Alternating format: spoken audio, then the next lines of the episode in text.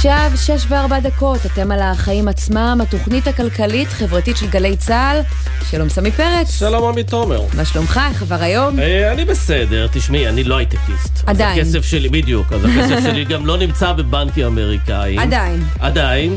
אבל אני עוקב אחר הצהרות הכלכליות בארצות הברית, דיברנו על קריסת סיליקון ואלי בנק, ועכשיו יש את בנק סיגניצ'ר שקרס. ויש חשש שעוד בנק בשם פרסט ריפבליק גם כן אה, עומד לקרוס, המניות שלו צנחו היום בעשרות אחוזים. אבל נראה שהממשל האמריקאי, שכבר התמודד עם נפילת בנקים ב-2008, נחוש הפעם לא לתת למשבר הזה לגדול. הוא מנסה לעצור אותו כשהוא עדיין קטן. האם זה יעבוד? כן, או לפחות להרגיע את המשקיעים כדי שהבהלה שלהם לא תגדיל את המשבר הזה. אין ספק שזה ימים פחות טובים מהרגיל להיות הייטקיסט או איש עם כסף בבנקים אמריקאים, שזה לרוב דבר די מבורך. אבל זה לא צרות של עשירים? אה, תשמע, צרות של עשירים כן, השאלה כמה עשירים הם יישארו אחרי המשבר השאלה. הזה. זו זו השאלה השאלה. הגדולה. אז אנחנו נביא את כל העדכונים בגזרה הזאת, עם הדברים האחרונים של הנשיא ביידן, שמתייחס גם הוא לנושא, ועם עודד רוז, מנכ"ל לשכת המסחר ישראל אמריקה. בנוסף לזה נגיע למשהו שלא כדאי שיעבור מתחת לרדאר, רווחי העתק של הבנקים שמסכמים עכשיו את 2022. בנק דיסקונט למשל הודיע הבוקר שרווח הנקי שלו בשנה החולפת הוא שלושה וחצי מיליארד שקלים. זה זינוק של 26 אחוזים לעומת 2021, וזה גם מזכיר לנו שכשהבנקים עכשיו כל כך נדיבים בסיפור הזה של אה, SVB ואומרים אנחנו ניתן הלוואות גישור ואנחנו נעזור, זה כי בשגרה, איך אמר לי מישהו מהצוות נגד חולבים אותנו. הקריסה של SVB, הצד הטוב של אה, המערכת הפיננסית בישראל זה שהיא מאוד יציבה ודבר כזה לא סביר שיקרה, הצד הפחות טוב זה כל השאר כי זה קורה כי אין פה תחרות. אלופת העולם ביציבות. אז תשמעי, אנחנו גם נשאל את אה, אמנון מרחב, מנכ"ל משרד הכלכלה, על המאבק שמנהלים נגד החברה המרכזית למשקאות קלים, על העלאת מחירי הקוקה קולה. נדבר גם על האיום המרומז שהוציאו אמש בהסתדרות. לא נעמוד מנגד אם לא תושג פשרה. האם זה אומר שהיד שלהם נמצאת על השלטר? אנחנו נברר את זה. וכמובן נסיים עם פינתנו האהובה בעל ערך, עם מיזם שמצליח לעשות שינוי גדול באמצעות מטבעות של 10 אגורות. בהחלט, אבל קודם כל ולפני הכל, סמי, מה הכותרת שלך היום? אז תשמעי, המבול של הצעות החוק והיוזמות שעוסקות בעניינים אישיים של ראש הממשלה והקואליציה לא פוסק. היום הגיעה עוד הצעה, חדשה ישנה, צריך להגיד, של חבר הכנסת דודי אמסלם, לקידום החוק הצרפתי. זה חוק שיאסור על חקירת ראש ממשלה מכהן, אלא אם מדובר בעבירות של עבירות מין, אלימות, ביטחון או סמים. מה הם אה, כן אוסרות, כלומר איזה חקירות אי אפשר לחקור אותו. אה, עבירות של שוחד, גניבה, מעילה, רישום כוזב, הפרות אמונים, דברים מהסוג הזה. מדובר בפטור מחקירה תוך כדי כהונתו. עכשיו, תראי, הרעיון של הצעת החוק הזה הוא שראש ממשלה, שהוא באמת אדם מאוד חשוב, מאוד עסוק ומאוד טרוד בהחלטות הרות גורל, יהיה ממוקד בנושאים המדיניים, הביטחוניים, הכלכליים והחברתיים, וזה בסדר גמור. אבל אם הוא באמת עסוק בנושאים האלה, ממילא לא יהיה לו זמן לגנוב, לשחד, לרמות או למעול, אז למה צריך הצעת חוק כזו? ויכול להיות שכל הסיפור הזה הוא רק אסטרטגיה. יורים לכל הכיוונים, בתקווה שמשהו מכל ההצעות האלה יעבור. כן. אין ספק שמשהו מכל המבול אה, יפגע. משהו יפגע. יהיה מעניין. טוב, והכותרת שלך? אה, נושא אחר אה, לגמרי, אנחנו בעונת הדוחות הכספיים ודוחות אה, חריגים במיוחד של חברת צים ששטה קדימה עם דוחות שמכים את התחזיות, זינוק של 17% בהכנסות וחלוקת דיבידנדים בסכום עתק של קרוב ל-800 מיליון דולר. חלק ניכר ממנו יגיע לכיס של עידן עופר, בעל המניות הגדול ביותר בחברה. אז כל הכבוד לצים, אבל צריך גם לומר, הכבוד מגיע על חשבוננו. הסיבה שצים ממשיכה להרוויח מעל הציפיות היא שהציפיות היו שנראה ירידה במחירי השילוח שהם גובים, בהתאם למגמה של צניחת העלויות בעולם. ותוצאותיה של צים, צריך לומר, עדיין היו חלשות מביתר השנה בעקבות כך ברבעון האחרון, אבל עדיין לא מדובר בהוזלה המלאה שהאנליסטים צפו, והרווחים בהתאם. ואולי שירותי ספנות נשמע לחלקנו מאוד רחוק מאיתנו, אבל צים היא בעצם אחד העורקים המרכזיים בהם זורמת סחורה לישראל, והעלויות של ההבאתה לארץ מתווספות לתג המחיר שאנחנו רואים על המדף, בסופר, ברשת הפארם, בקניון, אפילו במסעדה למשל. כשמחירי השינוע בכל העולם עלו בגלל הקורונה, זה היה אחד הגורמים המרכזיים לאינפלציה הגואה. שעדיין לא נפטרנו ממנה בניגוד לתחזיות של בנק ישראל, ושם ציפו שזה יקרה בין היתר כי מחירי השינוע כבר ירדו. זה עדיין לא קרה לגמרי, וכמובן שיש הרבה גורמים בשרשרת שבסוף מובילים לכך שיוקר המחיה בישראל גבוה מבעולם, בחלק מהתחומים בעשרות ומאות אחוזים, אבל הנה, סיפור קטן על אחד מהם, שבינתיים נהנה מהמצב בגדול. כן, ורק צריך להזכיר, אנשים, את יודעת, בטח בשנים האחרונות שכולנו קונים אונליין ומזמינים מחו"ל כל מיני דברים ומקבלים את זה בהטסה, צריך לזכור שיותר מ-95% מהסחורות והמטענים שמגיעים לישראל מגיעים דרך הים, לא דרך האוויר. אה, אנחנו לא מעצמה אווירית, אנחנו צים, לא מעצמה, אבל בהחלט חברת ספנות ושינוע מאוד גדולה. אנחנו מדינה גם שמייבאת הרבה. נכון. אה, אז, אה, אז כן, מאוד עושים מזה כסף. כן. אז פעם הבאה אנחנו נקנה אונייה ונתחיל לעבוד. אחלה יוזמה, יאללה. קדימה. אני איתך, קח אותי קפטן. נתחיל? אז בוא נתחיל לקשקש לפני כן.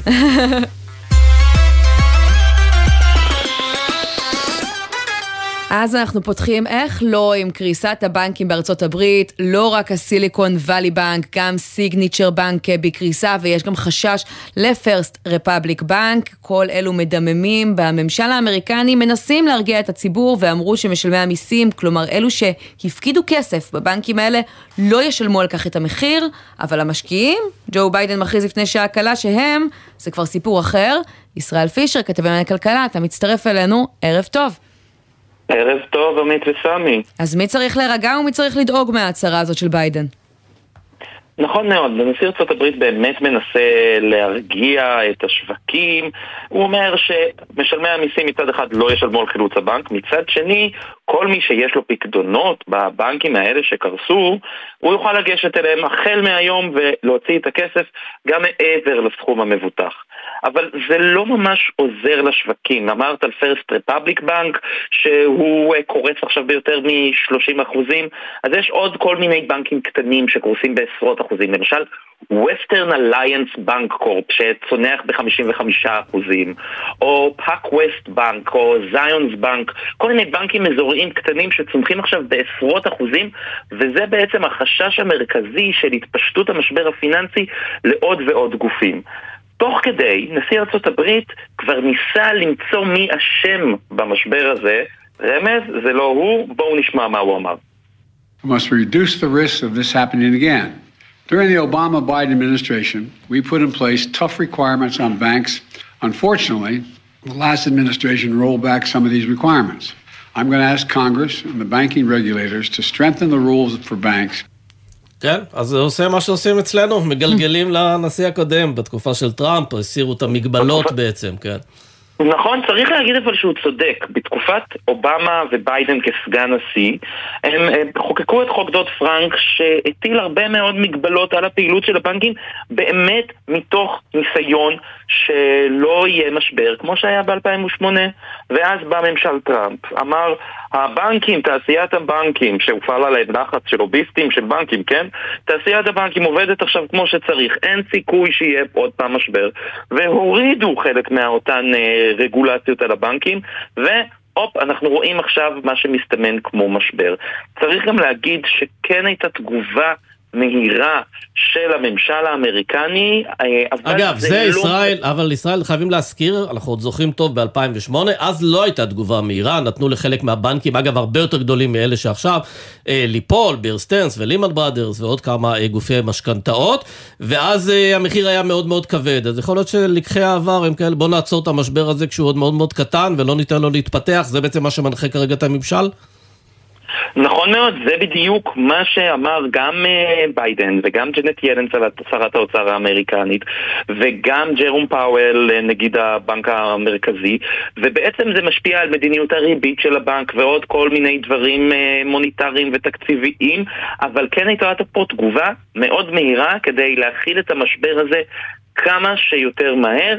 בינתיים באירופה זה לא ממש הרגיע את הרוחות, כי אנחנו כן רואים שם ירידות חדות, אבל בוול סטריט לפחות, חוץ מהבנקים האלה הקטנים שרושמים ירידות של עשרות אחוזים, בוול סטריט אנחנו רואים דווקא עליות נכון לעכשיו ביום מסחר די תנודתי, העליות, ירידות היו כבר היום. כן. אז uh, יש כאן עצבנות בשווקים. אז בסופו של דבר, כי אנחנו כן רואים גם uh, אחרי צפירות ההרגעה שנשמעות כבר מסוף השבוע, איזושהי תופעה של הידבקות לבנקים נוספים. אבל ההערכה היא שהיא תישאר אצל בבנקים אה, קטנים, מה שנקרא, שוליים יותר, לא אלו שבהכרח אה, ככה ישראלים אה, נוהגים לשים בהם את כספם?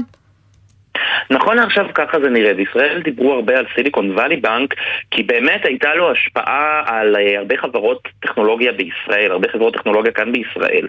הבנקים האחרים שנמצאים בסכנה הם בנקים באמת קטנים מאוד, בטח בהשוואה למוסדות הכלכליים שאנחנו, uh, הגדולים שאנחנו מכירים.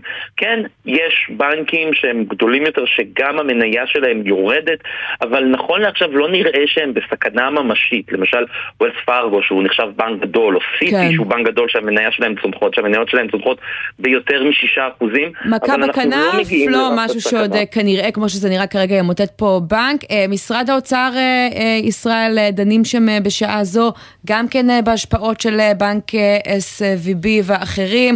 הצוות שנועד להתמודד עם קריסת הבנק מתכנס. אתמול שמענו שהם לא מדברים על פגיעה משמעותית. אתה יודע לספר לנו משהו משם?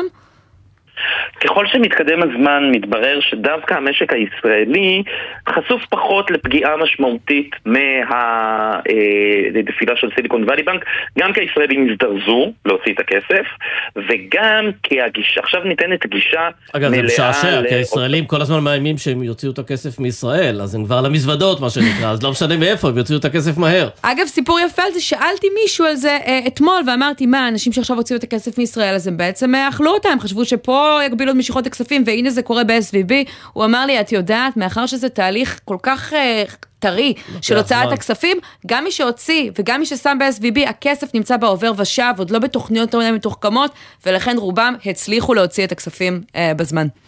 כן, אז מה זה אומר ישראל לגבי התגובה של ממשלת ישראל, אחרי שביידן אומר את מה שהוא אומר, אה, זה הופך את הממשלה אצלנו לבעצם, צריכה לבוא עם ידיים ריקות, מה שנקרא, אין לה מה לעשות. כרגע אין צעדים מיוחדים שצריך לעשות, כי הפגיעה באמת עוד לא הגיעה באמת למערכת הבנקאות בישראל. ראינו ירידות גם אתמול, גם היום, במדדי הבנקים פה בישראל, אבל רווחי הבנקים בשיא, והבנקים שלנו בסך הכל במצב כן. מצוין. יציבים. והם מנהיגים מדיניות שמרנית. יציבים. אז, אה, ישראל, יש לך עוד חוב אחד אה, קטן אלינו לסיום, החשיפה שלך אתמול על המפעל אה, טארו, מפעל התרופות, שבעקבות מתקפת סייבר הושבת. עדכון בנושא הזה? נכון מאוד, מפעל טארו חזר לפעילות מלאה, לפי הבנתי בשלב הזה, אחרי שהוא היה מושבת במשך אה, כמעט שבוע. אתמול טענו שלא מצאנו סימוכין להודעה שפרסמה טארו על ה... לבורסה בארצות הברית על ההשבתה הזו, על הפגיעה של מתקפת הסייבר. היום אני יכול לדווח שכן נמצאה ההודעה הזו, היא הודעה קטנה ולא משמעותית, אין בה הרבה מאוד מידע, אבל כן נשלחה אה, הודעה לבורסה האמריקנית על פגיעה במערכות הטכנולוגיה של החברה. כן. בלי יותר מדי פרטים. ישראל פישר, כתבי ענייני כלכלה, תודה רבה לך על הדברים האלה, ואנחנו uh, רוצים לעבור לעודד רוז, מנכ"ל uh, לשכת המסחר ישראל אמריקה. שלום. ערב טוב. יש לכם כבר uh, תמונה ברורה של מספר החברות הישראליות שעלולות להיפגע כתוצאה מהאירוע הזה עם הבנקים בארצות הברית? תמונה ברורה אין לנו, חברות לא אוהבות לפרסם את הנתונים האלה, אנחנו יודעים שיש, אני יודע על, על כמה עשרות, אני מעריך שיש קצת יותר. אה, אבל אני רוצה להרגיח, אה, מאז שיצאה ההודעה של אה, ג'נט ילן, שרת האוצר והנשיא ביידן, שהם יחזירו את הפקדונות, אז אפשר יותר להירגע. זה לא שאנשים יאבדו את הכסף שלהם, גם החברות שיש להם עשרות מיליוני דולרים שם. אבל החברות שמדברות איתכם ומתייעצות וכולי, כלומר אתה מרגיש שהן קונות את הדברים האלה ובינתיים ממתינות כשהכסף בבנק או עושות את מירב המאמצים כדי לחלץ אותו ש... מסיליקון וואלי בנק כמה שיותר מהר? כן, לא, ברגע ש... קודם כל הכסף שם כרגע מוקפא, אבל אתם צריכים להבין שהיו שם פקדונות בסדר גודל של 170 מיליארד דולר, אבל היו נכסים בשווי של יותר מ-200 מיליארד דולר. אז גם אם שווי הנכסים ירד והם הודיעו על הפסד של נגיד הם מכרו את כל תיק האגרות חוב שלהם 21 מיליארד דולר והפסידו עליו בערך 2 מיליארד דולר. אז אה, לא מדובר פה על סכומים מאוד גדולים. מה שקרה, שלא היה להם מספיק נזילות כאשר הלקוחות הסתערו לנסות להוציא את כל הכסף שלהם, לא היה מספיק נזילות באותו זמן שניסו להוציא את כל, אה, שהרבה לקוחות בבת אחת ניסו להוציא. אבל הנכסים נמצאים שם, כאשר הממשל האמריקאי שפעל מאוד מהר ומאוד נכון, הקפיא את כל הנכסים mm. והשתלט עליהם, הנכסים עדיין שם. אז כרגע הוא פותר את זה בעצם, הוא פותר את זה בעצם באמצעות ה-Federal Reserve, הבנק המרכזי, שמעמיד אשראי לטובת הבנק כדי לספק את, ה, את הפקדונות ללקוחות. זה בעצם הפתרון. הבנק פחות או יותר הולאם, אוקיי? הבנק עצמו כבר לא ישות שפעילה באופן עצמי, אלא בעצם מעמידים בנק, בעצם מייצרים כאילו בנק אה, אה, ביניים כזה, שהוא זה שמחזיר את הכסף למי שרוצה להוציא את הכסף שלו, ויכול להיות שהוא יעשה את זה בצורה הדרגתית, לא מיידית. אה, אבל יש מאחורי כל הדברים האלה, לשני הבנקים שכאילו הולמו, הוקפאו, לשני הבנקים היה מספיק נכסים לגבות את כל הפקדונות, לכולם, לשני הבנקים האלה הון עצמי חיובי. כן. זאת אומרת שהיה להם יותר נכסים מאשר התחייבויות. כל הפקדונות האלה היו מגובים בהלוואות. כן, תגיד, אבל בנסיבות האלה, שמענו גם את, ה... את ראש הממשלה פה ואת שר האוצר, שהם יעזרו ככל שיידרש, אבל בנסיבות האלה בכלל נדרש סיוע של מדינת ישראל אחרי ההבהרות של ביידן לא ושל ממש. ילן? אולי, אולי ממש ב, ב, באופן ממש מיידי, אבל אני שומע שגם לא, אבל את זה עושים בבנקים. הבנקים יודעים לתת בדיוק, את הלוואות הגישור גם בלי ממשלות בעצם. בדיוק. אז לא, לדעתי לא יהיה צורך שהממשלה פה תתערב. גם הממשל האמריקאי התערב, התערב מיידית ועשה את זה נכון. כן. וגם הבנקים הישראלים נחלצו מיידית עוד בשבוע שעבר וכבר הציעו אה, אה, lines of credit לחברות שהיו צריכות את זה באופן מיידי. כי צריך לזכור, חברות צריכות לשלם משכורות והן לא יכול, לפעמים לא יכולות לחכות כמה שבועות, כמה כן. חודשים, משכורות. תגיד משהו, אה, עודד, אתה בתור מנכ"ל לשכות המסחר ישראל אמריקה, כשאתה מסתכל על זה שהרבה מאוד חברות הייטק מנהלות החשבונות שלהם באותו בנק, אתה לא מסתכל על זה כעל גורם סיכון מבחינתם? לא הייתם ממליצים לחברים אצלכם, חבר'ה, תפזרו על פני כמה בנקים, אל תלכו לאותו בנק? זה, זה, אה, זה עצה שהם נותנים לכל מישהו שמנהל הרבה כסף. אתה צריך לפזר את הסיכונים שלך, אתה צריך לפזר גם את הכסף שלך על פני בנקים.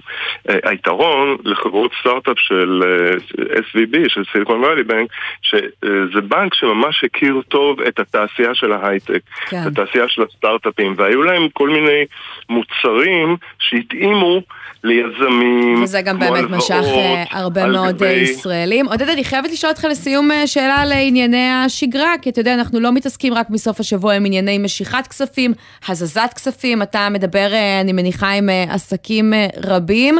אתה מרגיש את המגמה של משיכת כספים מישראל לארצות הברית? מגמה בעצם בכיוון ההפוך, אבל עוד לפני הקריסה הזאת? אנחנו פחות עוסקים בכספים של החברות שחברות אצלנו. אני רוצה רק לומר שיש לנו כ-300 חברות שחברות אצלנו, רובן אמריקאיות, שביחד הפעילות שלהן מהווה בערך שליש מהכלכלה הישראלית. חברות הענק האלה, אה, מ... אני לא אזכיר כל השמות, אבל אה, הרבה הרבה חברות מאוד גדולות, הן אה, לא מתעסקות ביום יום בלהעביר כסף מפה לפה. מה שיותר מעניין אותם זה אורך הזמן. רגע, אבל הן מתייחסות, הן מביעות בפניכם חששות מפני הרפורמה המשפטית? בוודאי, כן. אנחנו שומעים את זה גם מהחברות הגדולות הישראליות, גם מהחברות הגדולות האמריקניות. הם מקבלים כל הזמן בשבועות האחרונים, יש שיחות עם חברות האם הגדולות בארצות הברית או אם זה באירופה ומקבלים שאלות, מה הולך לקרות, אה, מה, מה עם המצב המשפטי. הנושא הזה מאוד מטריד את החברות. האם זה ישפיע על הפעילות שלנו פה, האם זה ישפיע על היכולת שלנו אה, אה, ואתה יודע איך להרגיע אותם או שאין לך איך להרגיע? שאלה מאוד טובה. אני באופן אישי קשה לי להרגיע אותם. אה, אבל אני מקווה שאנחנו מאוד תומכים ביוזמה של הנשיא הרצוג, ואנחנו אה, מורדים הצלחת להבין מה היוזמה של הנשיא הרצוג? כי אנחנו עדיין לא הבנו מה המתווה, רק שמענו שתומכים בה מקצה לקצה. הוא לא פרסם אותה. אז במה אתה תומך בדיוק? סליחה. אבל נכון, אנחנו מחכים לראות את הפרסום שלה, צודקת. אה, אבל אנחנו בהחלט... אבל זה יפה, כי אני נגד ההסכם של הנשיא, רק אני לא יודע מהו. אנחנו אה, אה, חושבים שחייבים אה, לגבש פה הסכמה רחבה מאוד ולא לעשות מהלכים דורסניים שיפגעו בוודאות, לדעתנו, בכלכלה. ולכן אנחנו תומכים במתווה שיביא הסכמה רחבה מאוד מכל הצדדים. יפה. עודד רוז, מנכ"ל לשכת המסחר ישראל אמריקה, תודה רבה לך על השיחה הזאת. תודה לכם, ערב טוב.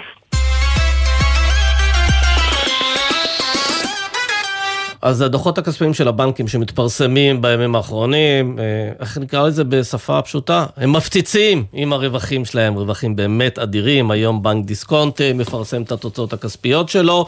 אה, רואים שם רווח של שלושה וחצי מיליארד שקלים. נזכיר שבנק הפועלים דיווח על רווח של שישה וחצי מיליארד שקלים. באמת מספרים פנומנליים שלא ראינו כמוהם הרבה מאוד שנים. ורק אם נשים את זה בקונטקסט של השיחה הקודמת, אז אתה יודע, אתמול דיברנו פה עם מנכ"לית לאומיטק, למשל, שסיפרה שככה כמיליארד דולר כבר נכנס מהסיליקון וואלי בנק לעסק שלהם בעקבות המשבר הזה. איכשהו מכל משבר, כולל עליות הריבית שראינו בשנה האחרונה, הבנקים מרוויחים.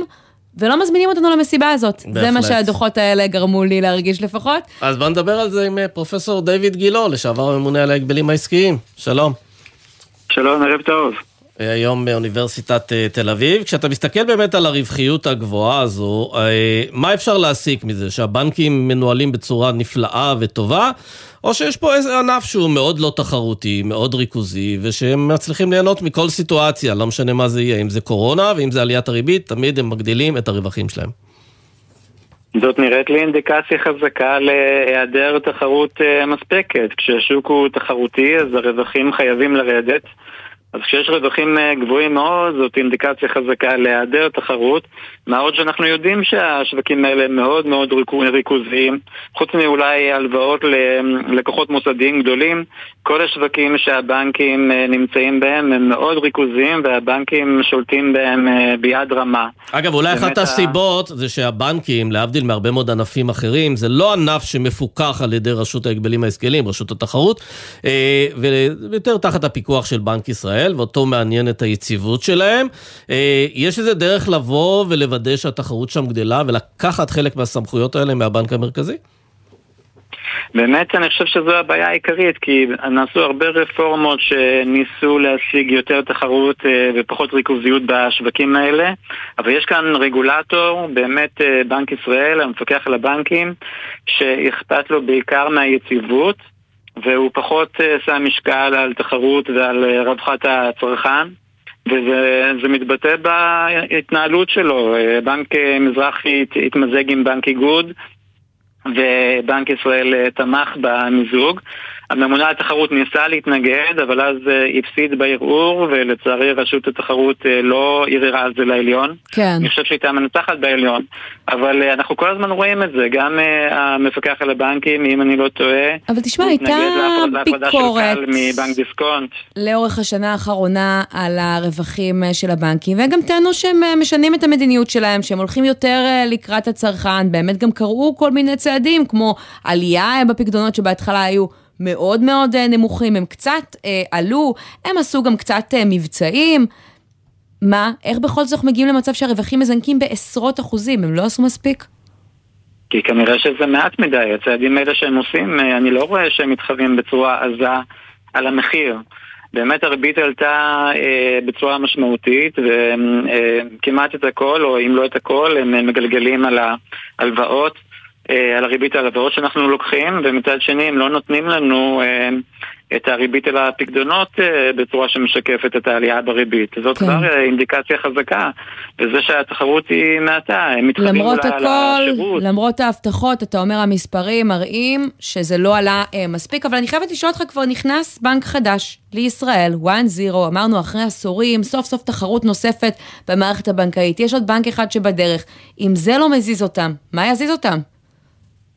אני חושב שזה מאוד חשוב אה, שיש את הבנק הזה, וגם הצרכן צריך להיות ערני ולאיים על הבנק שלו לעבור לבנקים כאלה. אבל אתה מרגיש שהכניסה של 1-0 עשתה פה שינוי כלשהו? בינתיים אה, אני מבין שיש לו עשרות אלפי לקוחות אה, בלבד, אבל השינויים האלה הם לפעמים איטיים. אני חושב שאחד מהדברים שאפשר לעשות בישראל, שקורה הרבה בעולם, הוא ביטוח פקדונות על ידי המדינה. אם המדינה תבטח את הפקדונות על חשבונה בעצם, אז אנשים ירגישו יותר בטוחים לא, אבל... אה, להעביר את הכסף שלהם לבנק חדש, וגם המפקח על הבנקים יהיה יותר רגוע. ופחות אה, יעצור אה, רפורמות פרו-תחרותיות. כן, העניין הזה נבדק בעבר, ואיכשהו אף פעם לא הגיע באמת לכדי החלטה, אבל אני רוצה לשאול אותך, מאחר ואנחנו רואים את הרווחיות הגבוהה, ומאחר ואנחנו יודעים שהרבה פעמים הגזמה מובילה לרגולציה, וזה יכול להזמין פשוט חקיקה, שאתה יודע, שהבנקים יחייבו לתת אה, ריבית על יתרות זכות בחשבון העו"ש, או שהבנקים יגבילו להם את הריביות שהם לוקחים על משכנתאות. איך אפשר לייצר מסלול שמחייב את הבנקים להיות הרבה יותר תחרותיים, בלי שיפציצו אותם בהצעות חוק, כי זה מה שיקרה בסוף. כן, אבל מאיימים עליהם בהצעות חוק אה, כבר הרבה הרבה שנים, ועדיין אנחנו רואים את התוצאה הזו של רווחיות מאוד גדולה ותחרות מועטה. גם יש להם כוח אה, פוליטי וגם הרגולטור שלהם יש לו כוח פוליטי, הוא יודע לעצור אה, רפורמות ולעמוד אה, על הרגליים האחוריות. אגב, וכל הכוח הפוליטי הזה, כל הכוח הפוליטי הזה לא עזר להם כשחוקקו את החוק להגבלת השכר של המנהלים במערכת הבנקאות, ומה שכן ראינו, שמאז שהגבילו להם את השכר, רווחיות גדלה. אה, ונשאלת השאלה, האם הוכח כאן חד משמעית שאין קשר בין שכר ותגמול ובין רווחיות? וצריך לחקור את זה בצורה יותר מעמיקה כדי לראות uh, קשר סיבתי כזה, אבל אני בעד uh, להוריד את השכר. גם השכר של העובדים בכלל בבנקים, uh, למיטב הבנתי, הוא מאוד uh, גבוה. אז חלק מהקופון הזה העובדים לוקחים, ואנחנו רואים שאפילו כן. אחרי העלות הגדולה הזאת, הרווחיות היא מאוד מאוד uh, גבוהה. זהו, כרגע הרווחיות כל כך גבוהה, שלא צריך אפילו להתייעל, אפשר פשוט לתת קצת יותר לציבור. פרופסור דיוויד גילה, לשעבר הממונה על ההגבלים העסקיים מאוניברסיטת תל אביב היום, תודה רבה לך על הדברים האלה. תודה רבה, ערב טוב. אנחנו יוצאים לכמה הודעות ומיד חוזרים עם מנכ"ל משרד הכלכלה על הקרב שלהם נגד קוקה קולה. מה הסיכוי שהם ינצחו בו? כרגע נראה שהם די בחיסרון, וננסה להבין מה עומד מאחורי האיום המרומז של ההסתדרות שתשתמש בכוחה כדי לתמוך ביוזמת הנשיא, ואולי נבין סוף סוף גם מה היוזמה של הנשיא. בהחלט. כבר חוזרים.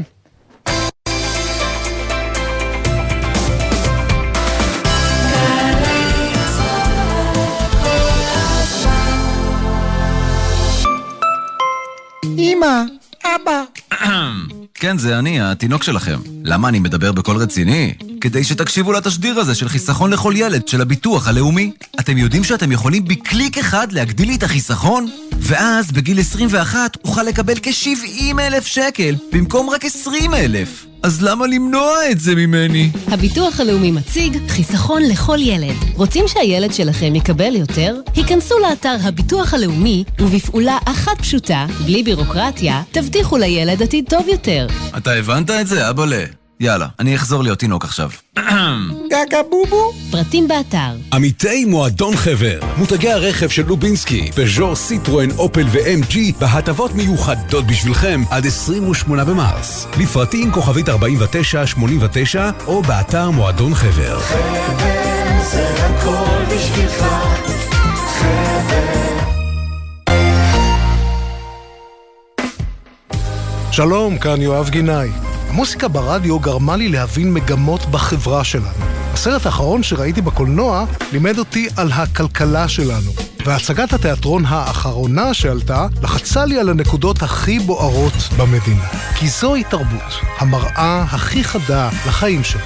ולכן, בכל שישי בבוקר אני שואל, מה יהיה בתרבות? מה יהיה עם יואב גינאי, שישי, תשע בבוקר, גלי צה"ל.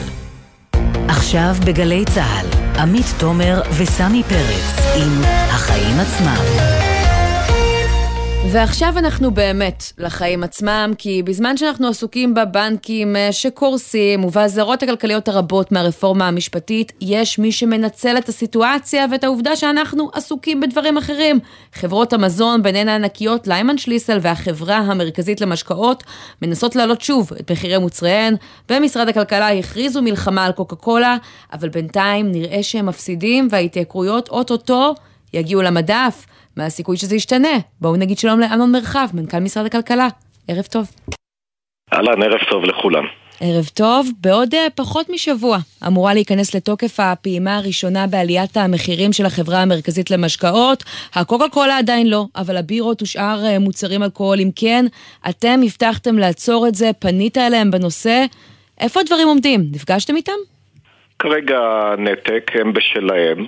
אה, ואנחנו נפעיל את, כמו שאמרנו, נפעיל את כל האמצעים החוקיים שבידי משרד הכלכלה והתעשייה כדי uh, לטפל בגורמים כאלה שמנותקים uh, מהציבור הם מנותקים מהמציאות במדינת ישראל לשיטתנו ולהבנתנו ומעדיפים להעלות את המחיר שלא לצורך בעת הזו. איזה אמצעים יש לכם בהם. אבל? איזה אמצעים? יש לנו מגוון של אמצעים, אה, חלקם אה, כרגע נמצא בבדיקה או בבחינה. אנחנו, אה, אנחנו לא נשוחח עליהם כרגע מעל גלי האתר. אבל כן אמרתם שהצטברו אצלכם, אתם אמרתם. דקה, כן. דקה, רק, רק להשלים את המשפט. מה שכן אנחנו, אני אגיד זה שאנחנו עובדים כדי להביא לפה יבוא מקביל של המוצרים הללו. יש לנו שיח מאוד מתקדם עם יבואנים מקבילים גדולים מאוד בתחום, שיש להם עניין אגב שהם מייבאים כבר היום אה, משקאות אה, של אה, קוקה קולה שלא מיוצרים בארץ ואנחנו אה, נעודד בכל דרך הגדלת היבוא המקביל גם של המוצרים האלה. תשמע, אנחנו משוחחים עם היבואנים המקבילים האלה לא פעם והם אה, מדברים על אה, קושי מאוד גדול להביא את המוצרים האלה לארץ, אם זה הלשנות למשרד הבריאות ולמכס שגורם לזה שעוצרים להם כל מכולה מה שמעכב ומייקר את הסחורה, אם זה דרישות רגולטוריות אחרות ואם דיברנו על איך אתם מטפלים, אתם אמרתם שהצטרכו הצטברו אצלכם נכון, עדויות נכון, על התנהלות נכון. פסולה של קוקה קולה. לזה הכוונה? אז כמו שאמרתי, על הדברים שמנית אנחנו לא נדבר, אלה מטופל, מטופלים ונבדקים ונבחנים איפה שהם צריכים להיבחן. כלומר, ברשות ברדיו. התחרות, ברשות התחרות או ברשות סחר הוגן, איפה? אז אני מבקש כרגע לא להרחיב, אתם אה, וגם המאזינים, אנשים אבל זו אה, חקירה שאתם יזמתם ברשות התחרות? יש... חקירה שאתם יוזמים? רגע, שנייה רגע. יש כרגע הליך שמתנהל נגד קוקה קולה, החברה המרכזית, ברשות התחרות, יש הליך בבית המשפט, זה מתקיים. זה מתגלגל. רק תגיד למאזינים על עדויות ישנות, עד שנת 2016. ודברים אחרים שמגיעים אה, חדשות לבקרים, נבדקים על ידי גורמי האכיפה שאמונים על העניין הזה. והם, והם, והם ייבדקו ונמצה את העניין ויכול להיות שגם נוביל מהלכי חקיקה נוספים כי יש פה מונופול שלטעמנו ולשיטתנו הדרך שבה הוא פועל מחייבת בדיקה על ידי, הר... על ידי הרגולטורים המתאימים. אבל רשות התחרות קיבלה את הדרישה שלכם לפתוח בבדיקה חדשה על עדויות טריות? לא, אני, לא, אני לא ארחיב כאן, אתם, אה, יש אה, אה, רגולטורית מוצלחת מאוד, הגברת מיכל כהן, עורכת דין, היא הממונה על התחרות במדינת ישראל, ותזמינו אותה לראיון והיא תספר לכם אוקיי. מה שהיא יכולה על הבדיקות אז שלה. אז אני אשאל אותך שאלה כן אחרת, כן. אני כן אומר רק דבר אחד.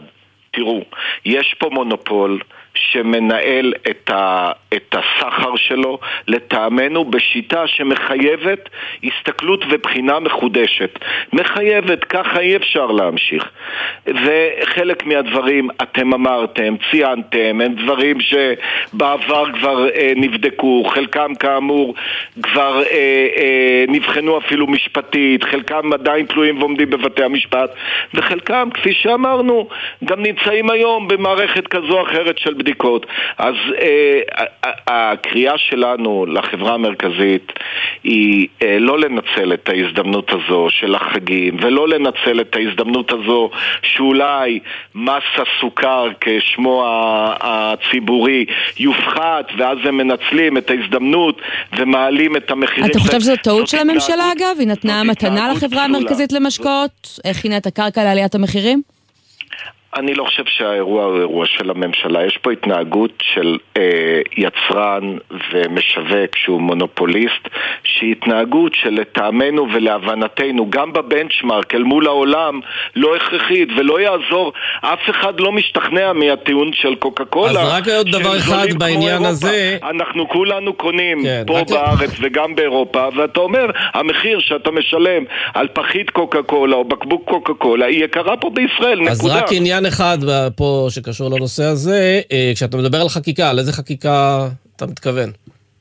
אנחנו בוחנים עכשיו כמה וכמה אפשרויות, אה, כמו אה, לחייב מונופולים להציג את הדוחות הכספיים שלהם למשל, ויש עוד כמה בדיקות של עוד כמה רעיונות מאוד מאוד טובים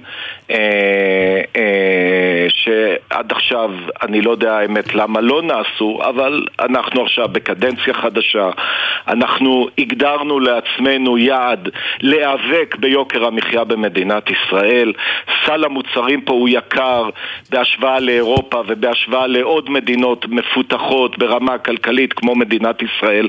ובהקשר ואתה- הזה... האמת שהאבסורד הכי גדול זה שקוקה קולה באים ומאיימים עלינו שאם נפעל נגדם הם יפטרו עובדים. אתה אומר, מה שהם מה אמרו." קרה לכם? אתה, כן, אתה אומר, מה קרה לכם? זה, זה, תראו, זה התגובה של מונופול. כן. אם תיגע לי ברווחים, אני אפטר עובדים. על מי אתה חכם? על העובדים, המס... חלילה, לא המסכנים, אבל על העובדים שעובדי הכפיים אצלך, אתה, אתה מאיים בפיטורים שלהם? זו בושה וחרפה בעיניי, כאזרח, עוד לפני כמנכ"ל אז אה, אמנון, בוא נסתכל אה, קצת. יותר אה, רחב, כי בסופו של דבר החברה המרכזית למשקאות זה המקרה הטרי, אבל זה לא מקרה יחיד של מונופול בישראל שפועל בצורה אה, כוחנית, ולכם יש מאבק בנושא הזה עכשיו גם מול משרד האוצר, כי היוזמות אה, שאתה מתאר, ואחרות, כמו למשל אה, הגבלה למיזוגים של אה, חברות, אה, משהו שככה אה, רוכך, אם זה האי-יכולת של אה, יבואנים גדולים אה, להביא את המוצרים לארץ של כמה יצרנים גדולים, סעיפים שיעודדו יבוא מקביל, כל זה יצא מחוק ההסדרים. מה הסיכוי שנראה את זה חוזר לשם? תראי, אה, לנו אין ויכוח עם האוצר. אני חושב שבמהות אני רואה באוצר נחישות והבנה שצריך להיאבק ביוקר המחיה וצריך לטפל גם בשינויים מבניים בערוץ היצרנים והיבואנים איפה אתה רואה את זה בחוק ההסדרים? רק שנייה, אני, אני אגיד לך איפה הפערים שלנו עם האוצר. האוצר אה, העדיף, להבנתי, להוציא את זה אה, מחוק ההסדרים, כי הוא רצה לבחון את זה עוד פעם ולהביא את החקיקה הזאת לשיטתו קצת יותר בשלה. אנחנו, השר ברקת, משרד הכלכלה, חושבים אחרת. אנחנו חושבים שזה הזמן לטפל בעניין הזה. צריך לשים את הצעת החוק, אגב, שהאוצר ניסח אותה, שהיא הצעת חוק בסיסית טובה, ואנחנו יודעים שבהליך חקיקה, בין קריאה ראשונה לשנייה לשלישית, עושים התאמות, עושים שינויים, עושים בדיקות, אבל בסופו של דבר יוצא חוק. אבל להעלות את זה בישיבת הממשלה דווקא עכשיו, כשהשר סמוטריץ', השר הממונה על התחום הזה בחו"ל, זה לא קצת מחטף? לא, אני לא, אני לא חושב שזה מחטף, אני לא חושב שזאת הייתה, זו לא הכוונה, לא צריך לפרש את זה ככה. אני חושב שהממשלה עובדת גם אם שר כזה או שר אחר איננו. ממילא החקיקה רק בתחילתה, בראשיתה, היא עוד לא הסתיימה, יש עוד דיונים, יש עוד שלוש קריאות להעביר פה, יש עוד זמן. אני חייבת לשאול אותך דבר אה, אחרון אה, לסיום. אה, ראינו אה, בשבוע שעבר מהלך דומה לזה שאתם ניסיתם לעשות קורה בצרפת, שם אה, קמרון ביקש מרשתות המזון, קרא אליהם, מאוד. אמר להם אל תעלו מחירים, אולי אפילו תורידו קצת, מאוד. והם צייתו. פה ראינו אירוע דומה שהוביל ללא כלום. מה אתה חושב בסופו של דבר שההבדלים בינינו לבינם, מה רשתות המזון פה לא מבינות? או אולי מה אתם יכולים לעשות אחרת? אני, אני אגיד לך, אני חושב שהצרכנים במדינת ישראל צריכים להתעורר ולא לא להושיט את היד למוצרים שהם לידרים והם יקרים שנמצאים על המדף. אפשר בצרכנות נבונה וחכמה לגרום למי שמעלה מחירים או גובה מחירים גבוהים, שלא לומר מופקעים, פשוט לא לקנות את המוצרים שלו. אבל בצרפת לא ראינו חרם צרכנים. אה, אני חושב שהאופי של הצרכן הישראלי זה שהוא אוהב מותגים, קשה לו להחליף ולהיפרד אה, ממותגים, וחלק מהמשווקים או ה- ה- של המותגים הגדולים כן. מנצלים את האהבה של הצרכן הישראלי או את הקושי שלו להיפרד מהמותג, ו- ו- ושם הם גובים את המחיר, ולכן לצד כל הפעולות שאנחנו כממשלה נעשה, אני קורא לצרכנים לבצע קנייה נבונה וחכמה, כי אוקיי. זה הוכח גם בעבר, כל פעם שהצרכנים במדינת ישראל החליטו להיאבק בגבייה או במחירים הגבוהים, זה באמת היה Game Changer, והמחירים ירדו. אז אם נשלב ידיים, ממשלה מצד אחד, אגב, אנחנו קוראים לכולם, אנחנו יושבים פה גם הקמעונאים אצלנו, ו, אה, וחלקם הלא, הלא קטן מבינים את הצורך שזאת השעה לא להעלות מחירים. אני חושב שצריך להיות פה איזשהו מומנטום, ואני קורא להם גם בהזדמנות כן, הזאת, השאלה פה היא, עוד פעם, צה"ל האם את הממשלה. תושיט אה, בעצם גם כן את היד ותכניס דברים יותר משמעותיים לחוק ההסדרים, כולנו נקווה שכן. אמנון מרחב, מנכ"ל משרד הכלכלה. זה לא רק הפתרון אנחנו היחיד, חייבים לסיים. יש פה הרבה צעדים שאנחנו עושים, כולל הכנסת רשתות גדולות, זולות, שישנו פה גם את כללי התחרות במדינת ישראל, גם בשוק הזה נשמור את זה. לשיחה הבאה שלנו. תודה רבה לך. תודה לכם וערב טוב.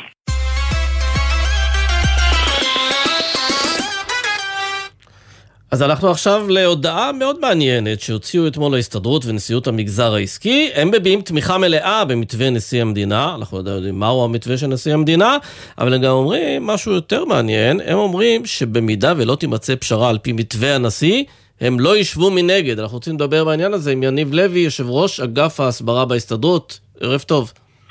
ערב טוב, סמי מעביד. רק אה, נגיד אה, שארנון אה, בר דוד כן. שככה הוביל את הפגישה לא יכול להיות איתנו היום אה, מאחר שאביו נפטר וננצל את ההזדמנות נכון. להשתתף בצערו כמובן ולשלוח את אביו פנחס בר דוד נפטר הבוקר, נקבר לפני כשעה, משתתף בצער המשפחה, והמציאות יותר חזקה מהכל, ואנחנו צריכים להמשיך לעבוד בהסתדרות כן. לצד הדבר הזה. אז בהחלט. וכן. בינתיים אתם אומרים.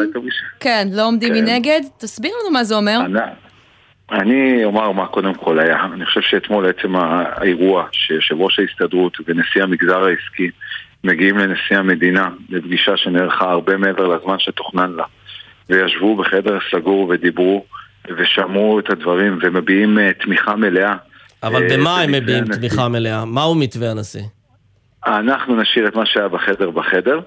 אה, אני רוצה לומר ש... אגב, זה נראה לך תקין שיש מתווה שהרבה מאוד אנשים נחשפים אליו, אבל הציבור לא נחשף אליו? זה, זה נראה לך סביר?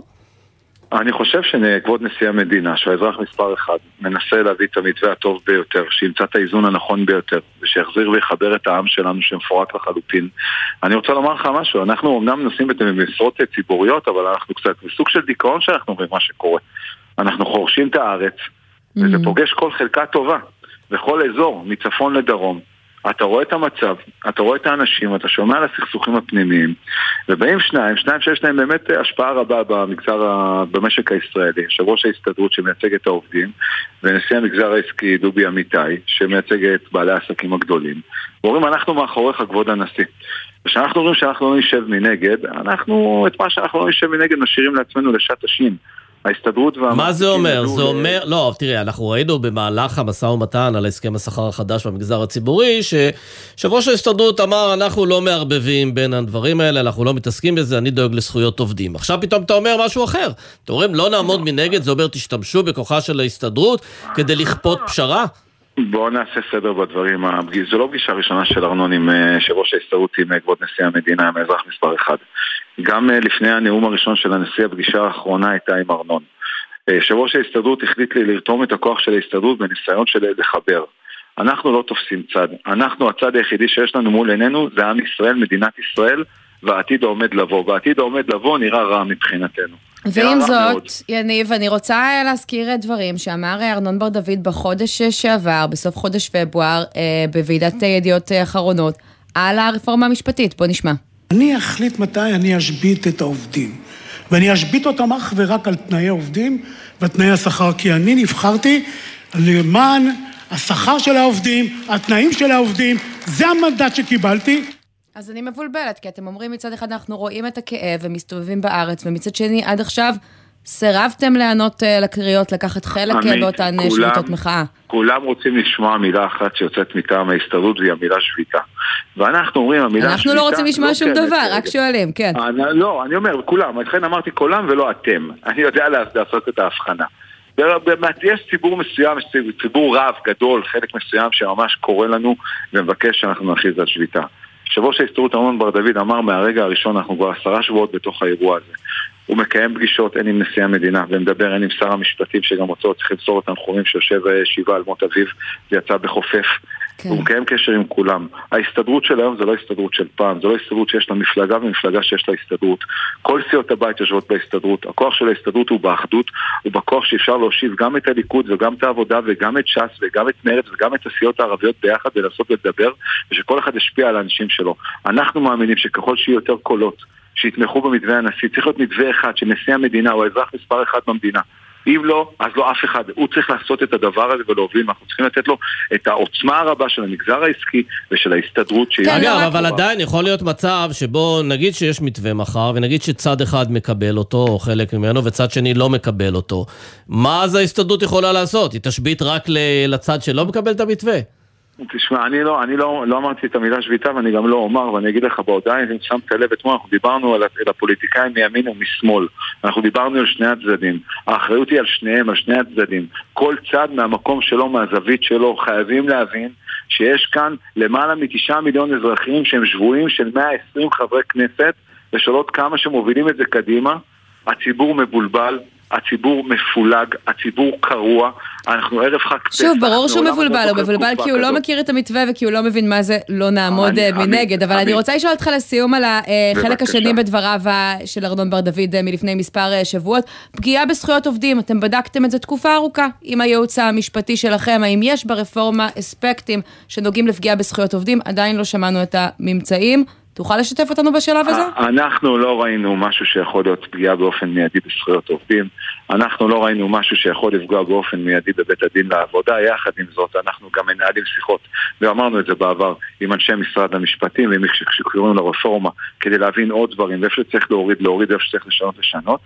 אנחנו לא אמרנו שאנחנו שמחים מהרפורמה. Mm-hmm. יושב ראש ההסתדרות אמר לא מעט פעמים שהוא מוטרד מהמצב, הוא מוטרד מאיך שעושים את זה, מהדרך, מהגישה, מהפילוג, מאיך שבאים ומציגים את הדברים. אין מערכת שלא צריכה שינויים. וההסתדרות היא הראשונה הייתה להוביל רפורמות גדולות בשנים האחרונות במשק, ואנחנו אשפי משא אז עכשיו הגענו לנקודה שבה אתם אומרים אין פגיעה בזכויות עובדים, ועדיין יכול לא, להיות לא, לא, שאנחנו... אה, אנחנו ערניים לכל, תשמעו, אנחנו רואים מה קורה, זה רפורמה שנבנית תוך כדי דיוני ועדה. יכול להיות שמתווה הנשיא יביא חוק אחר, ואז כן. נצטרך לבדוק את כל הדברים. זו המציאות. מה שאותי מטריד בעיקר, ואני באמת ישבתי באלפי שעות משא ומתן בשנים האחרונות, שאין אפילו משא ומתן מאחורי הקלעים של, של נציגים כאלה ואחרים. כן, אני לא מזמן למדתי מהספר של מזל מועלם, שבקדנציה הראשונה של ראש הממשלה ביבי, מי שנתן לו עצות זה פרס שהיה יריב שלו מהצד השני, מאחורי הקלעים. יניב, אנחנו... כשרוצים וחושבים על מדינה... מוכרחים לסיים, אבל תודה רבה לך על הדברים האלה ונמשיך לעקוב, תודה. ואם הזכרנו את ועדי העובדים החזקים במשק, נקפוץ לעינב קרנר שלנו, כי לקראת חג הפסח מתחילות להתפרסם הרשימות של כמה מחלקים בוועדים הגדולים כמתנות לחג. עינב, איפה שווה לעבוד? טוב, שלום לכם, אה, סמי ועמית, אז תשמעו, לא פחות מחמישה מיליארד שקלים זה הסכום של שווי המתנות אה, לחג הפסח שממש אה, נמצא מעבר לפינה. ואם אנחנו, אגב, מדובר על כארבעה מיליון עובדים סך הכל שיקבלו, אנחנו מדברים על סכום אשראי שיעמוד בממוצע בין 650 ל-950 שקלים, אבל בואו נראה רגע בעצם את, את הסקר של חברת ועדים לפי התפלגות הענפים, אז חברות ההייטק למשל, יש לנו את חברת IDE טכנולוגיות, שם השי לעובד, אה, שווי השי 1,400 שקלים, במיטרוניקס 1,250 ובאינטל 1,000 שקלים לכל עובד. החגיגה בהייטק עדיין גדולה. נכון, בהייטק עדיין אנחנו רואים שה... שווי חג מאוד מאוד, אה, השי לחג מאוד מאוד אה, גבוה. שימו לב למונופולים ולחברות הגדולות במשק, אז כמו בכל שנה, גם השנה מפעלי ים המלח מובילה עם 2,850 שקלים לעובד, טבע ב-1,500 שקלים, ועובדי התעשייה האווירית ואלתא יקבלו בין 1,200 ל-1,300 שקלים, כאשר חברת החשמל והמוסד לביטוח לאומי עם 1,000 שקלים. בבנקים, הנה, אפרופו הרווחים שנחשפו בימים האחרונים, כולל היום, no. שימו לב עמית אה, וסמי, בנק מזרחי טפחות הכי גבוה 1,100 שקלים, בנק לאומי ובנק הדואר יש לנו גם פה 1,000 שקלים, בנק הפועלים 900 ובתחתית הרשימה אה, פסגות עם 675 כן. שקלים. נו, לפחות אם לא הציבור, גם העובדים של הבנקים נהנים מהחגיגה. ובפעם הבאה נדבר על אלה שנותנים הכי מעט גם. כן. אז זהו, דווקא לא מצאנו אה, מעט, הכל זה 500, 700, יש פה היה... אה, את יודעת למה? כי הם לא רוצים אה, לפרסם, הם יגלו את זה לעובדים ממש לפני החג. אנחנו נגלה את זה בארוחות החג. כתבתנו על צרכנות. תודה רבה. תודה רבה לכם. ועכשיו לפינתנו האהובה בעל ערך על חברות, על גופים שעושים משהו טוב למען האנושות, ואנחנו היום עם מיזם שאוסף כסף לתרומה באמצעות מטבעות של 10 אגורות, ואיתנו רוני אדר, שלום. שלום, ערב טוב. שחקנית ופעילה חברתית, את מנהלת פרויקט האוצר האבוד, ותספרי לנו איך הפרויקט הזה משפר את האנושות. טוב, קודם כל חשוב לי מאוד לציין שההגדרה של הפרויקט שלנו היא לאו דווקא פרויקט של איסוף כסף, אנחנו פרויקט חינוכי, כי זה מאוד חשוב לנו, אנחנו, זה נושא, הפרויקט שלנו בעצם לחנך אה, ילדים אה, על אחריות חברתית קהילתית ועל אה, פילנטרופיה ונתינה מגיל צעיר. בעצם מה שבחברה החרדית למשל יש לפעמים גמ"חים וילדים מגיל אפס יודעים כבר על איך תורמים ועוזרים לזולת, אז um, רצינו להביא את זה בעצם לכלל החברה הישראלית. והכל התחיל בעצם uh, מהמטבע הזה, עשר אגורות, שלכולנו יש צנצנות שלו בבית, ש... אף אחד לא רוצה לזרוק ולא יודעים מה לעשות איתם בדיוק. וזה גם כבד בארנק, וזה לא כיף שזה בתוך הארנק. זה כבד בארנק וזה עובר איתנו דירות, כי לא נעים לזרוק את זה לפח, וזה בין ה... בתחתיות של התיקים ובין הספח כזה, בכריות של הספח.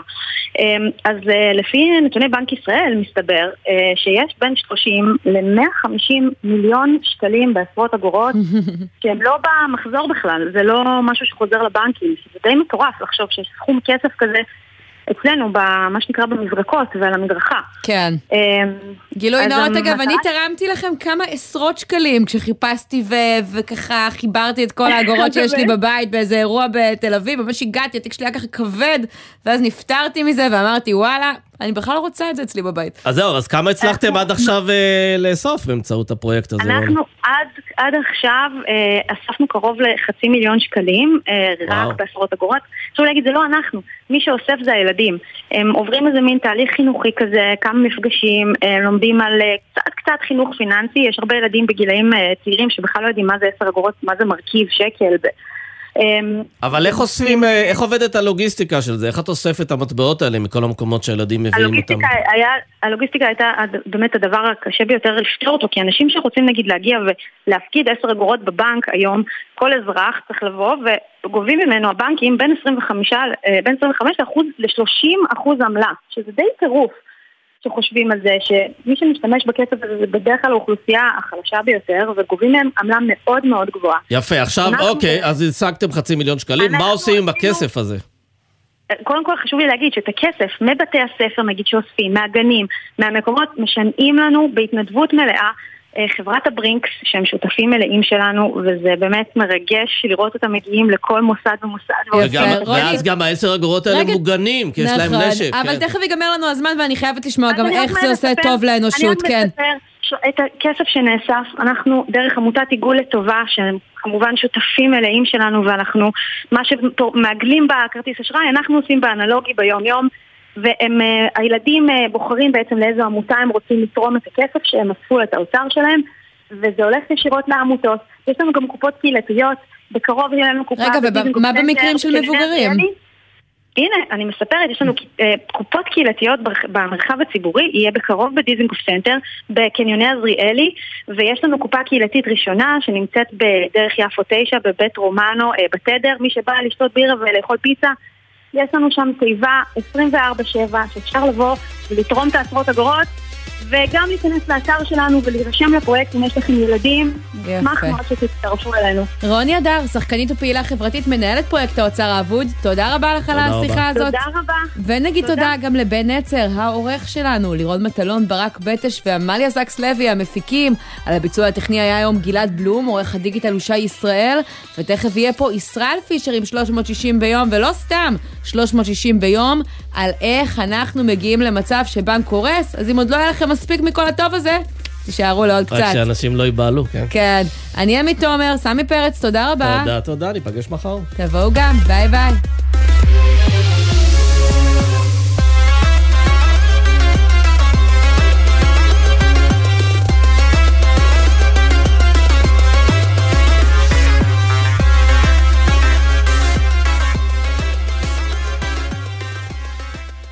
בחסות פארמטון, מולטי ויטמין שוויצרי, שנבדק במחקרים קליניים, המציע שיפור ברמת האנרגיה במשך כל היום. פארמטון, להשקיע בעצמך, כמוסה אחת ביום. בחסות כל מוביל, היבואנית הרשמית של יונדאי, מיצובישי, אורה, מרצדס וג'נסיס, המציעה מגוון מסלולי קנייה מותאמים אישית, לפרטים כוכבית 3862. בחסות אוטודיפו, המציעה מצברים לרכב עד השעה תשע בערב בסניפי הרשת, כולל התקנה חינם. כי כדי להחליף מצבר, לא צריך להחליף לשעות עבודה יותר נוחות. אוטודיפו.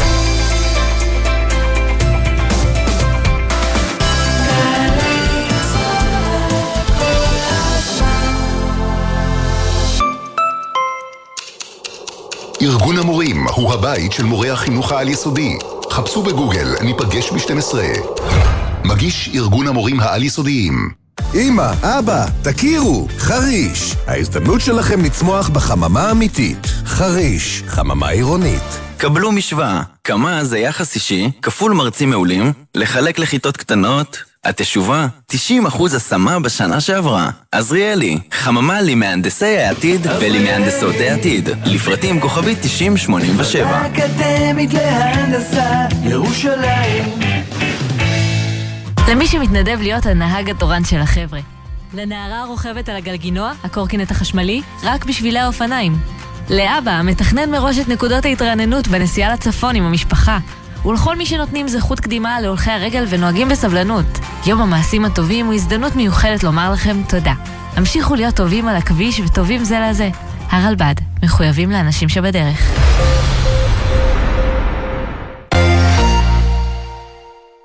שלום, כאן טלי ליפקין שחר. כמה קרובה באמת איראן לפצצה? האם חיסול רבי מחבלים תורם למלחמה בטרור? ואיך תשמור ישראל על העליונות האווירית המוחלטת שלה בשמי המזרח התיכון?